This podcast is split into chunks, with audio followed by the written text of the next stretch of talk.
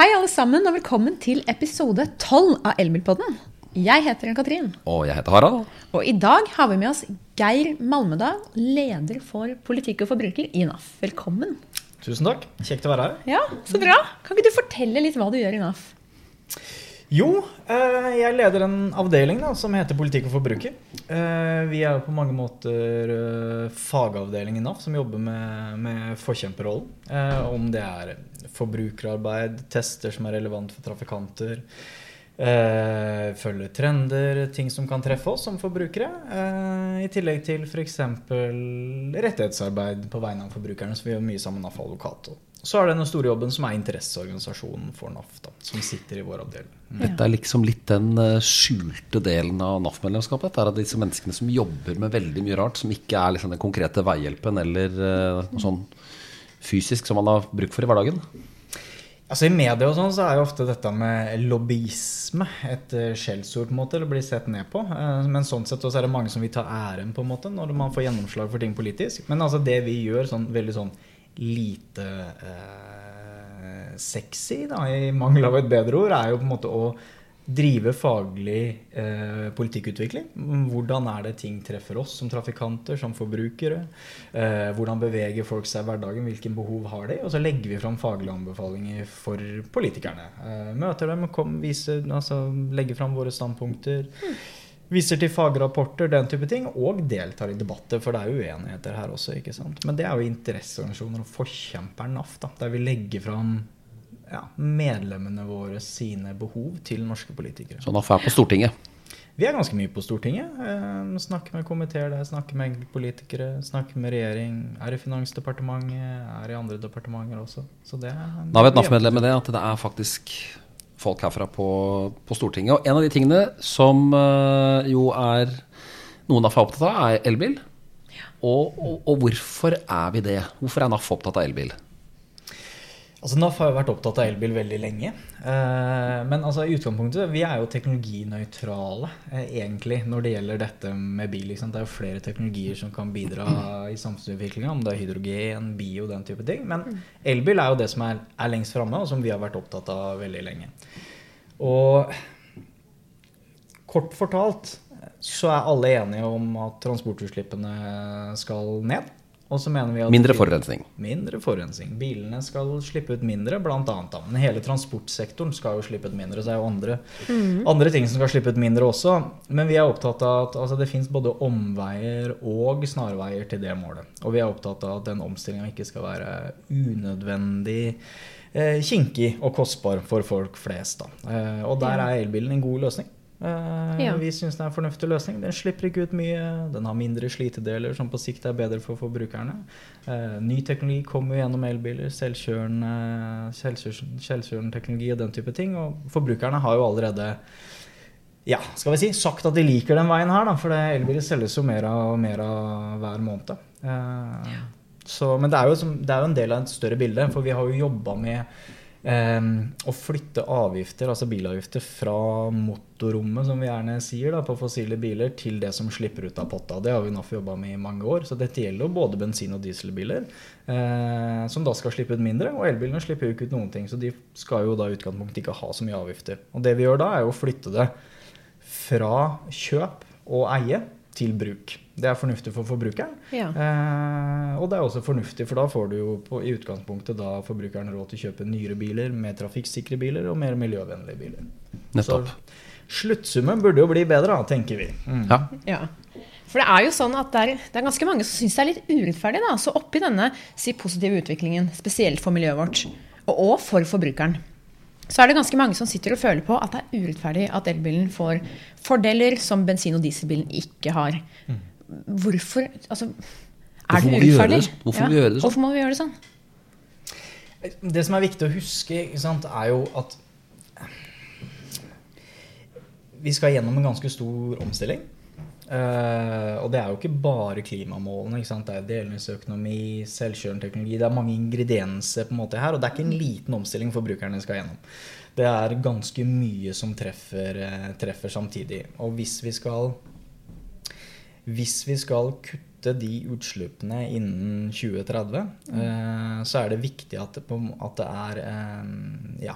Det er viktig at ikke alle de kostnadene For det koster å kutte utslipp, ikke sant? Og, og da kan jo Det er veldig enkelt for næringslivet etc. å vise til en, en, eh, en kvittering eller en faktura og si at den her blir dyrere hvis ikke vi får støtte til ditt og datt. ikke sant? Mens kvitteringene til, til deg og meg som forbrukere er det ikke så lett å vise til. Sånn at det er viktig å ikke legge alle de kostnadene her på omstillinga på forbrukerne. Ja. Eh, og vi tenker jo da i utgangspunktet at eh, hvis man Ja, åssen skal man si det? Altså hvis man eh, For dette er på en måte en sånn slags eh, et statlig bidrag til en omstilling.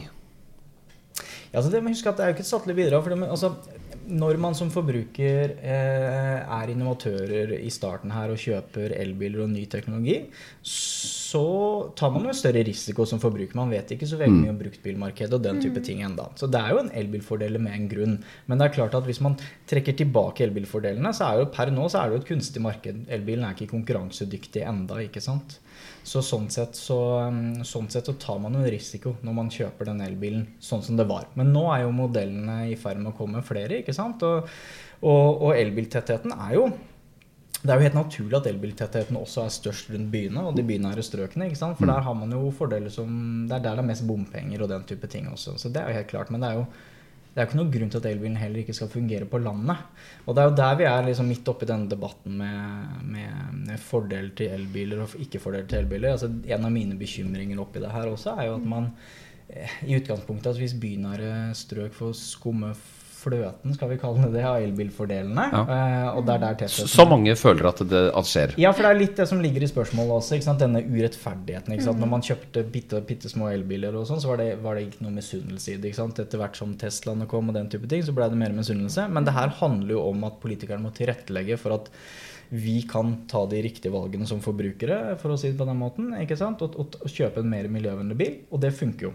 Ikke sant? Sånn at uh, La oss ha litt is i magen, og så må vi se når, når elbil, de nye elbilmodellene kommer. For Det som er, det er sånn todelt av det jeg mener med at vi begynner å få skumme fløten av det, så kan man jo risikere da at når elbilmodellene kommer som er mer tilrettelagt for distriktene ikke sant? Om det er, altså Du skal jo ikke langt ut av byen før man har en enebolig, og man har noe hageavfall i disse vårtider, ikke sant, etc. Og da mm, har man lyst til å frakte vekk det hageavfallet. Og når vi ikke har en hengefeste, så er det en sånn, en sånn praktisk stoppe for mange. ikke sant? De modellene kommer jo nå fra 2019, fra 2020 kommer det flere modeller. Så, så hvis ikke de utenfor byene på en måte får ta del i elbilgodene s- før man stopper det, da, for å si det sånn, så vil du få en sånn distrikt-by-perspektiv der som ikke er bra.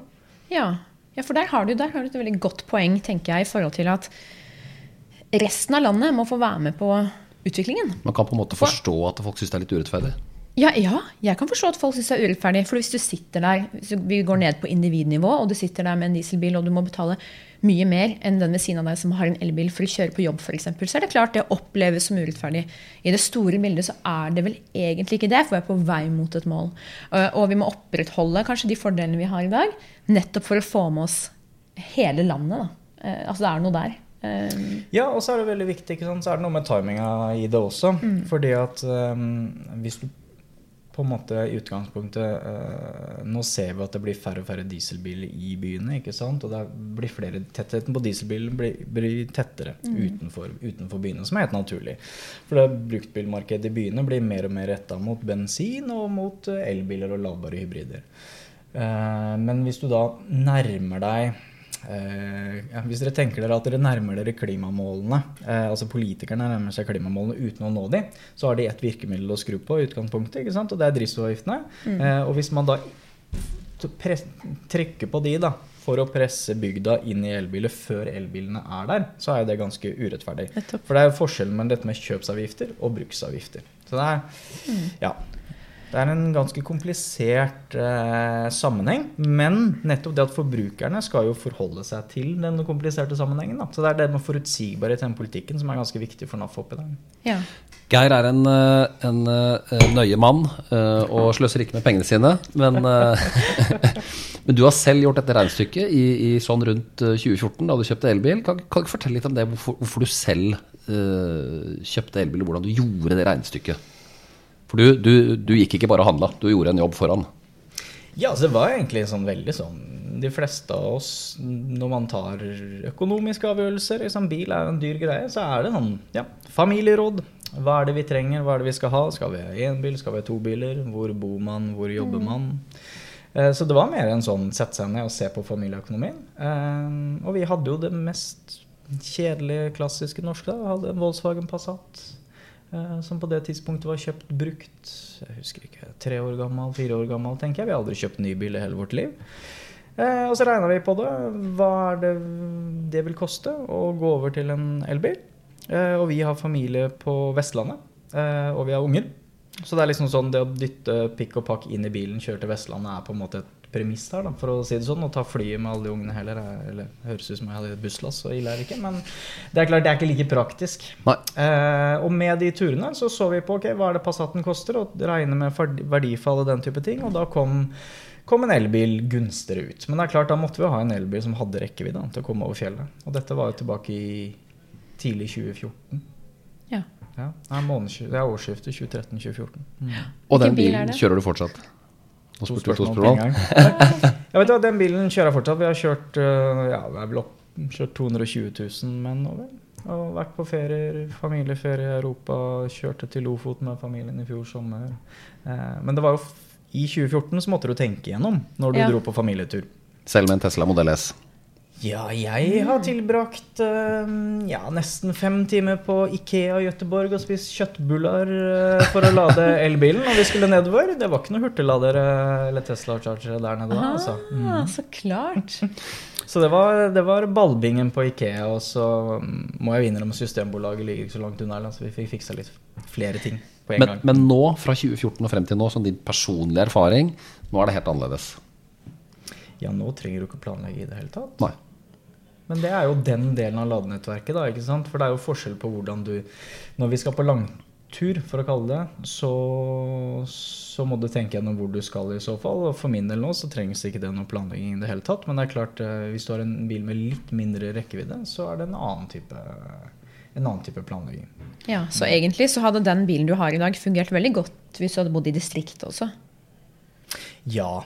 altså Det er jo ikke sånn, det er jo sånn myte det der om at man kjører mer bil i distriktet. Altså man er, Og hva er distriktet? altså jeg mener Ja. Den fylkelandet du kjører mest bil, er jo Akershus. Det er ikke Finnmark. Men det er jo lenger mellom husa og, og, og, og, sentrumene i Finnmark. ikke sant? I Akershus er det tett, men man kjører mer bil for det er mer ruralt. ikke sant? Man er avhengig av bilen, og det er ikke noe godt buss- eller kollektivtilbud. Eh, men det er klart eh, Men da er vi inne på en av de andre politiske tingene, og det er ladenettverk. mm. Fordi du har, eh, du har selv kjørt elbil siden 2014 og har liksom opplevd dette supercharge-nettet til Tesla som har utvikla seg. Hvor det nå er Nå sier du nå, nå trenger du ikke planlegge, før så måtte du planlegge eh, hvis du ikke vil ha fem timer kjøttbuller på Ikea. Det er koselig, det, altså, men ikke hver helg. Nei, ikke sant. Den store Uh, Fordi ute, vi må jo ha ladeinfrastruktur for, for de nye og større elbilene med lengre rekkevidde. Hva er det nå, Hvilke utfordringer har man politisk med ladenettverk fremover? Er det en offentlig oppgave? Det fins private. Ikke sant? Det er, det er en sånn skillelinje her. Ja, det er en skillelinje her, men hele premisset for spørsmålet er litt sånn For det er jo først nå egentlig Noen kommer til å bli fornærma når jeg sier det, men det er først nå egentlig lading har fått litt fokus. da. Eh, og, men det jeg mener med at noen blir fornærma, for det er klart at Enova har jo hatt veldig gode støtteordninger eh, for hurtigladere og den type Ja. ting også. Men det har vært veldig sånn fokus på kjøpsfordeler for elbil, få elbilene ut på veiene ikke sant, etc. Det kan vi godt ta, ta en runde på også. Men så har ikke fokuset vært så mye på ja, men hvilke behov har elbilen når det kommer ut her. For det dere må tenke gjennom, er jo ja, elbiltettheten har økt liksom enormt og enormt fort. ikke sant? Men tenk dere fra 2025 hvis vi bare skal selge nullutslippsbiler. Da blir det ganske mye større behov da, for ladenettverk eh, langs veiene. Ja. Så det er noe med fokus på det. Men eh, det spørsmålet du stiller, liksom, hva er behovet nå? Jeg tror det er sånn todelt. Jeg tror altså det er både den i kjøpsøyeblikket så tror jeg forbrukerne tenker mye på hva det vi trenger på, på tur. Eh, men i praksis så er det den hverdagsreisen som er det viktigste for folk. Eh, og den dekkes mye av lading hjemme. Ja. Eh, men det er jo ikke alle som har tilgang på lading hjemme. Det er, så det er en todelt greie. ikke sant? Er du, det er jo det Fordelen med å bo litt utafor by er jo gjerne at du har tilgang på egen oppstillingsplass og parkering. Og der har jo med de nye endringene i forhold til borettslagslover og den type ting gjort at det kan lettere å tilrettelegge, i hvert fall. Men man burde få på plass ordentlige støtteordninger for borettslag. Altså de kommunene som har gjort det, har jo, eh, har jo virkelig hatt suksess med det. Eh, men, men det må på plass større insentiver der sånn for å få det på plass. Og det har vi snakket om tidligere, tidligere pos- episoder også, at eh, det at man faktisk har en ladeplass i borettslaget sitt, det er jo også med på å øke verdien på, på boligen. På bolig. Ja, er du gæren. Ja, og så hvis det bare skal finnes nullutslippsbiler framover også. ikke sant? Det er noe med å se det, se det i den sammenhengen også. Men også det da, ikke sant, i forhold til når det gjøres i borettslag, så gjøres det gjerne av, uh, gjøres jo av fagfolk. ikke sant? Men hvis du har enebolig, så i utgangspunktet her er det litt mer Det er kun deg selv, din kunnskap, og du må ut og hente kunnskapen ikke sant, for å installere. Og det er klart, Tech-forskrifter, brannsikkerhet, eh, hjemmeladere som også da gir muligheten for å lade på natta. ikke sant? Effektuttak og den type ting. Som kommer til å komme etter hvert når man får regulert strømprisen. Altså Strøm er billig i Norge. og Forhåpentligvis kommer til å fortsette å være billig også. sant? Men dette med effektuttak Det er mer fornuftig å lade på natta enn når alle kommer hjem fra jobben og skrur på oppvaskmaskinen og skrur på TV-en og det kaffetrakteren. Da det vi kanskje i dag kaller for elbilpolitikk, norske elbilpolitikken, eh, ble vedtatt og satt i livet, så, så var det vel kanskje mange ting politikerne ikke hadde tenkt på at kom til å være eh, hva skal man si, følger og konsekvenser av dette. I og med at det ble en såpass suksess som det gjorde. Ja, altså man skal jo være dristige, tenker jeg. Og det, er, det har de jo vært. Og de har, tørt, de har virkelig turt å, å legge huet litt på blokka da, for, å, Ja. for å skryte av norske politikere der. sånn, Og det er et ganske ambisiøst mål. eh, Det er vel blant verdensledende mål akkurat på dette. Ja, jeg, det er jo eh, Vi selger jo ikke flest elbiler i Norge, for det er jo et lite land. Men i forhold til antallet innbyggere, så er det jo veldig tett på. Men det er klart, altså, men nå er jo Europa kommer jo virkelig, virkelig etter, da, for å si det sånn. Men, men det jeg mener er at du trenger ikke å ha svaret på alt når du legger et forslag på skriveblokka, for å si det sånn. Man må se noe av konsekvensene. Men nå er det jo viktig da, at man, når, man, når man ser at dette, dette har brutt gjennom den første barrieren, for å si det sånn. For det er, jo, ikke, det er jo ikke sånn at vi bare bare sier til folk at dette er en bitte liten justering. Eh, Dette er jo at du skifter jo energienheten, for å si det sånn, på bilen din. Og du må jo på en måte gi folk muligheten. da. Før så kunne man jo ikke fylle ben, tettheten bensinstasjoner, ikke sant, den type ting, men du kunne jo aldri fylle bensin hjemme. Det var liksom ikke noe alternativ. Så fordelen her er at du må, kan tilrettelegge for det hjemme, men da må du jo også ha fokus på på tettheten langs veien også. For det er klart at hvis du får mange ladekøer og sånn, den type ting også, så vil jo det være Er det, er det her de største utfordringene ligger nå i elbilpolitikken? Altså der vi er akkurat nå? Der vi er akkurat nå, så tror jeg det. Fordi at nå er jo elbilfordelene freda ut i regjeringsperioden. Og, og ESA Europa, da, for å kalle det det, skal, skal si noe om det etter hvert også. Sånn at nå, nå, ligger, nå ligger elbilfordelene der de er. Og hvis vi har is i magen på det, og politikerne tar det litt med ro nå vi ser hva som kommer av nye modeller, og det kommer jo mye nye i 2019-2020, se hvordan forbrukerendringen er der sånn, så er det ladeinfrastrukturen som er på en måte feil ord å bruke bøygen, men det er der det må satses nå for å ivareta trafikantene oppi det. De vil jo få noen Det vil komme noen nye behov, da. Eller i hvert fall mengden, mm. mengden av, av krav, for Ja, å si det det sånn. Mm. Og så er det det spørsmålet veldig mange stiller på Facebook eller hvor det måtte være. Lille Norge. Har det noe å si at vi gjør denne satsingen? Jo, klart, det har, jo hatt, eh, det har jo hatt masse å si. Vi har jo gått foran og vist vei. Men, men så er jo spørsmålet om, om lille Norge om det har noe å si. Det er mer, har det noe å si for oss som innbyggere i forhold til de målene vi skal nå? Det har jo hatt noe å si. Så det kommer litt av Hva tenker du på da? Nei, i forhold til Vi har jo hatt et 85-gramsmål, da, som det heter, i forhold til hva nybilparken skal slippe ut. Det må du forklare. 85 Ja, Det betyr at nye solgte biler skal slippe ut 85 gram eh, i forhold til nybilsalget. Eh, som er et strengere mål enn EU har. De har 95 gram. CO2. CO2. Ja. Ja.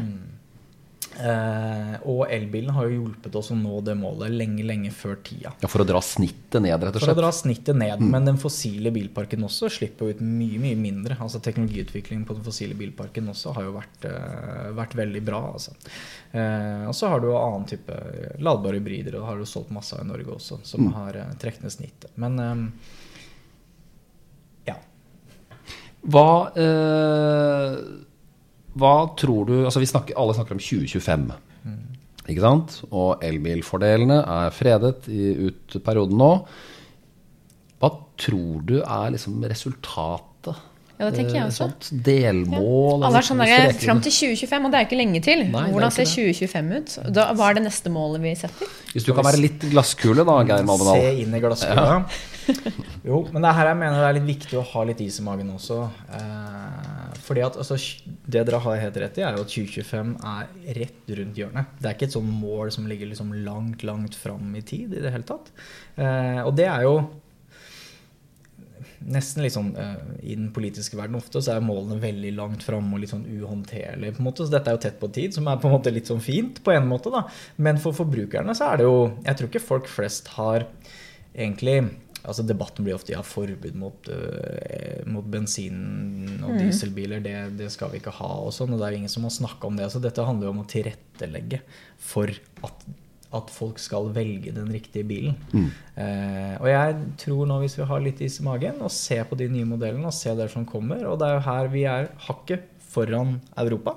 Eh, og når de store produsentene nå virkelig setter i gang, og de får jo mål på seg um, og, og, og, treffe disse CO2-utslippene som vi snakka om, ned på fabrikknivå. ikke sant? Så de må virkelig produsere en stor mengde elbiler. Og da får du et modellutvalg som kan tilfredsstille større deler av, av landet. ikke sant? Og Hvis vi da får på plass litt ladenettverk i tillegg, for å si det sånn, så, så, vil, det, så vil det fungere. Um, Så du tror at eh, mange som i dag sier at eh, nei, elbil er ikke noe for meg, de kommer til å kjøre en elbil i 2025?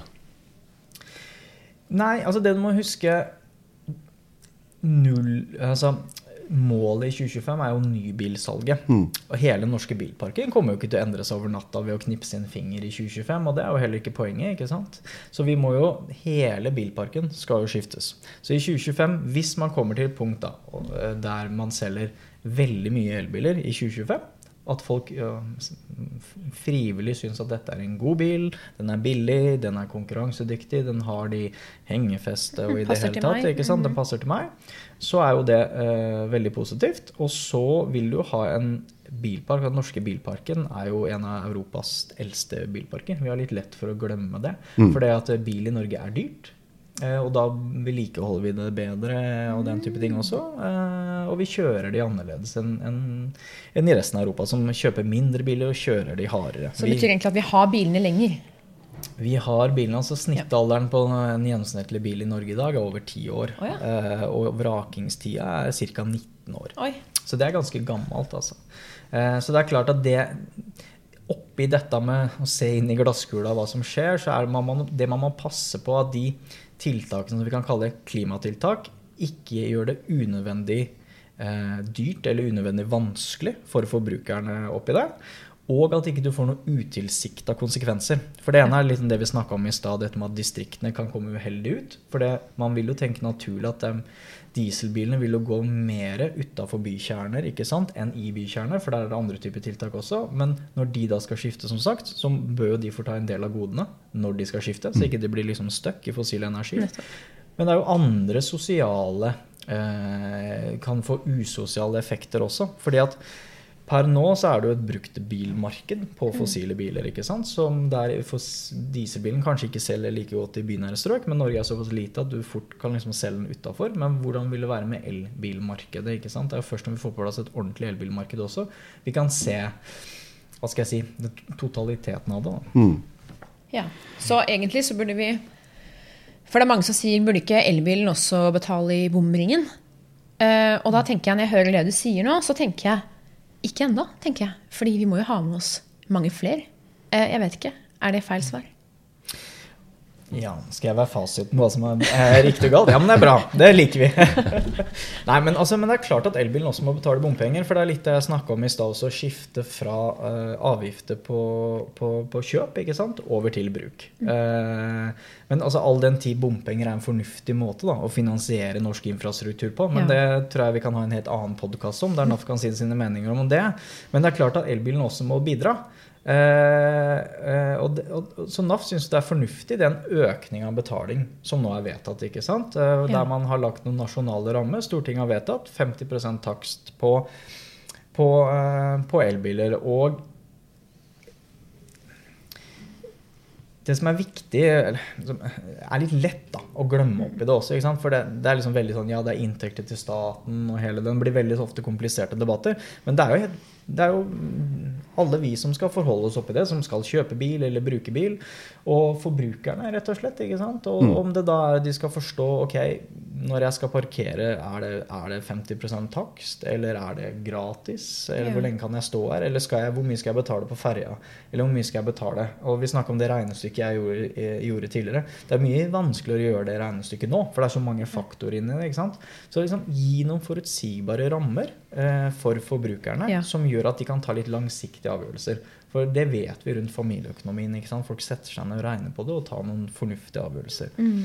Og, og, og, dette med 50% sats, det er en, da bidrar elbilene. Det er en økning av betaling. Det, det er fornuftig. Og så, og så, dreier man det da også over, um, over fra eie til bruk, som sagt. Men det er klart, det er jo bare liksom, første skrittet nå. Eh, vi, vi tenker at vi må jo få på plass et et, um, det viser litt av dette systemet når vi tenker jo i en sånn, en sånn gammel boks, for å si det sånn, mm. i forhold til bilavgiftssystemet. Så må mm. vi over i et nytt type tankesett. Og mm. NAF mener at vi må få mer kunnskap på bordet rundt det vi kaller veiprising, da, som egentlig handler om prising av bruk bruk av bil versus, eh, versus det å bare prise, prise, det å eie en bil. Det er litt som å ta bussen. Når den kjører forbi huset ditt, så betaler du ingenting. Men eh, skal du, skal du på busstur, så betaler du. Ja, Det betyr at du kan ha en bil stående hjemme på tunet på en måte som er trafikksikker og som er miljøvennlig, men du betaler den ikke når du ikke bruker den. Nei.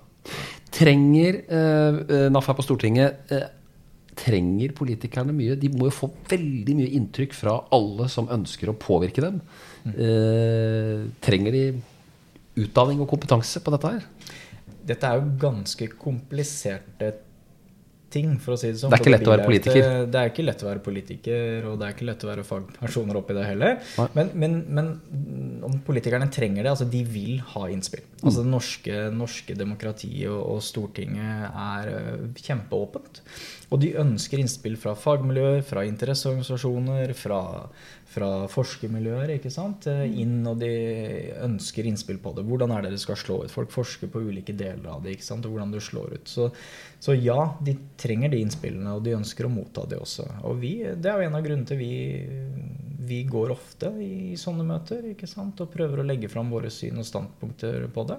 Og, men, men, for vår del også så er det jo det er viktig å huske um, ofte så blir med, altså debatten i aviser etc. blir ofte veldig sånn spissa. Da er det sånn svart-hvitt. Du er for eller imot elbil, eller du er for eller imot fossilbil, mm. eller for eller imot avgifter. ikke sant? Og så blir nyansene borte. Men det er jo, for våre medlemmer så er det, jo, er det jo viktig på en måte å legge fram litt sånn Kanskje høres litt naivt ut, men det er også en, en, en sånn litt eureka for mange politikere. Dette er behovet til folk flest. Dette ja. er det de mener, dette er det de trenger. Ikke glem på en måte mm folk flest oppi det. For det er de som skal stå i denne omstillinga. Mm. Det er også en historie vi forteller mye. Mm. Jeg har eh, skjønt at eh, NAF ikke bare er eh, bilberging i dag, i hvert fall. Det burde jeg vite, siden jeg jobber her. uh, og vi skjønner jo at dette, er, dette her er et sånt komplisert politisk arbeid. Det er ikke bare en prislapp på en bil. Um, det er mange faktorer til grunn. Veldig mange faktorer. Og det mm. kommer til å skje mye spennende. Og variabler ja. som vil forandre seg. Ja. Ja. Jeg har blitt klokere, jeg. Og ja, jeg også. ja, du skjønner litt mer nå jeg gjør det. om storpolitikken i uh, den uh, revolusjonen vi står i. Absolutt. Og jeg skjønner også Jeg syns på en måte det er litt mindre urettferdig når jeg får fortalt hva som er årsaken til at vi gjør det vi gjør, og målene våre. Det er en viktig del av historien. Absolutt. Mm. Geir Malmedal fra NAF, tusen takk for at du var med i studio. Kjempehyggelig. Ja. Og så er vi tilbake om eh, 14 dagers eh, tid. Det er vi. Eh, Du kan eh, høre oss på iTunes og SoundCloud, og se oss på Facebook. Se og høre oss. Og har du spørsmål, så kan du sende oss en e-post på elbil. Krøllalfa, naf.no. Og du kan følge oss på Twitter, Instagram og Facebook for å høre mer enn bare podkastmateriale. Ikke sant? Og så har vi i tillegg nettsider. naf.no slash eh, naf.no slash elbil, hvor du kan lese masse om elbil. Flott. Vi ses om 14 dager. Ha det bra. Ha det. Ha det.